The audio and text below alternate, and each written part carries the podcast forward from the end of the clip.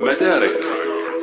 إن كنت تتشبث بأفكارك جيدا وتحكم إغلاق عقلك حتى تمنع دخول فكرة أخرى. إن كنت ترفض المضي إلا في طريق يشبهك ويشبه ما تعتقد فمن الأفضل ألا تستمع لي. أنا معاذ الصالحي وصوتي ربما يحدث ضجيجا في عقلك الهادئ ويسحبك إلى مدارك أخرى. مدارك. مع معاذ الصالحي. طوال شهر رمضان المبارك على هلا اف ام ورمضان الخير ويانا غير. أحمد مدرب معتمد.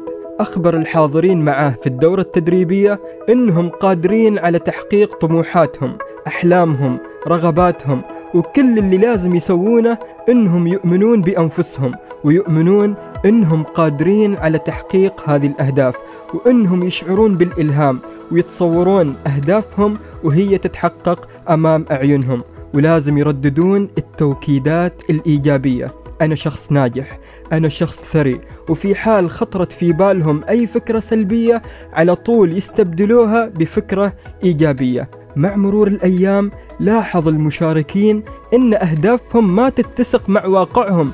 في فجوة كبيرة بين واقعهم وبين طموحاتهم العالية. وصار استحضار الأفكار الإيجابية ما لها أي تأثير وإيمانهم بأنفسهم بدأ ينهار وحماسهم لتحقيق طموحاتهم ينهار يوم بعد يوم.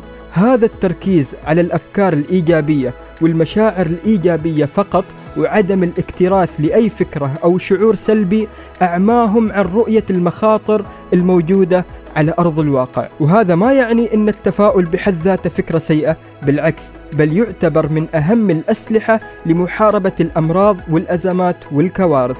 والأشخاص المتفائلين يتمتعون بمزاج أفضل وعندهم حافز أكبر لتحقيق أهدافهم وتطلعاتهم. في كثير من الأبحاث النفسية تدعم هذا الرأي ولكن السؤال إلى أي حد نتفائل؟ تخيل أنك قررت تفتتح مشروع معين وأنت مؤمن أن هذا المشروع بينجح ومتحمس لأنك بتحقق أرباح عالية بغض النظر عن حجم رأس المال حجم السوق المنافسين الإمكانيات. هذا التفاؤل الأعمى بيعيق قدرتك على وضع خطة محكمة وواقعية للتعامل مع العوائق والفرص اللي بتواجهها. في دراسة نشرت في مجلة الشخصية وعلم النفس الاجتماعي حلل الباحثين 1600 شخص بريطاني لمدة 18 سنة واكتشفوا أن الأشخاص اللي عندهم توقعات واقعية حول نجاحهم المالي كانوا أكثر سعادة من الأشخاص المتشائمين وأكثر سعادة من الأشخاص المتفائلين بشكل مفرط.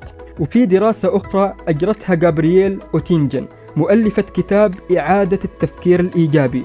توصلت إلى أن كثرة التفكير الإيجابي من الممكن أن ينعكس علينا سلبا على المدى البعيد والتفاؤل المفرط ممكن يمنعنا من بلوغ أهدافنا ويمنعنا من تحقيق النجاح بشكل عام.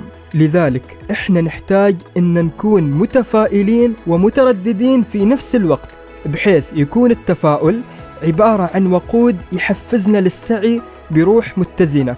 والتردد ممكن ينبهنا على الاحتمالات السلبية أو يجنبنا إهدار طاقتنا على أهداف ما نقدر نحققها على أرض الواقع وأحد الباحثين يقترح أن نسأل أنفسنا هذا السؤال عشان نتجنب الوقوع في هذا الوهم هل هذا المعتقد مجدي؟ ممكن توهم نفسك بمعتقدات إيجابية ولكن هل يوجد دليل يدعم هذا المعتقد؟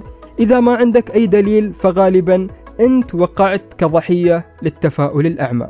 مدارك.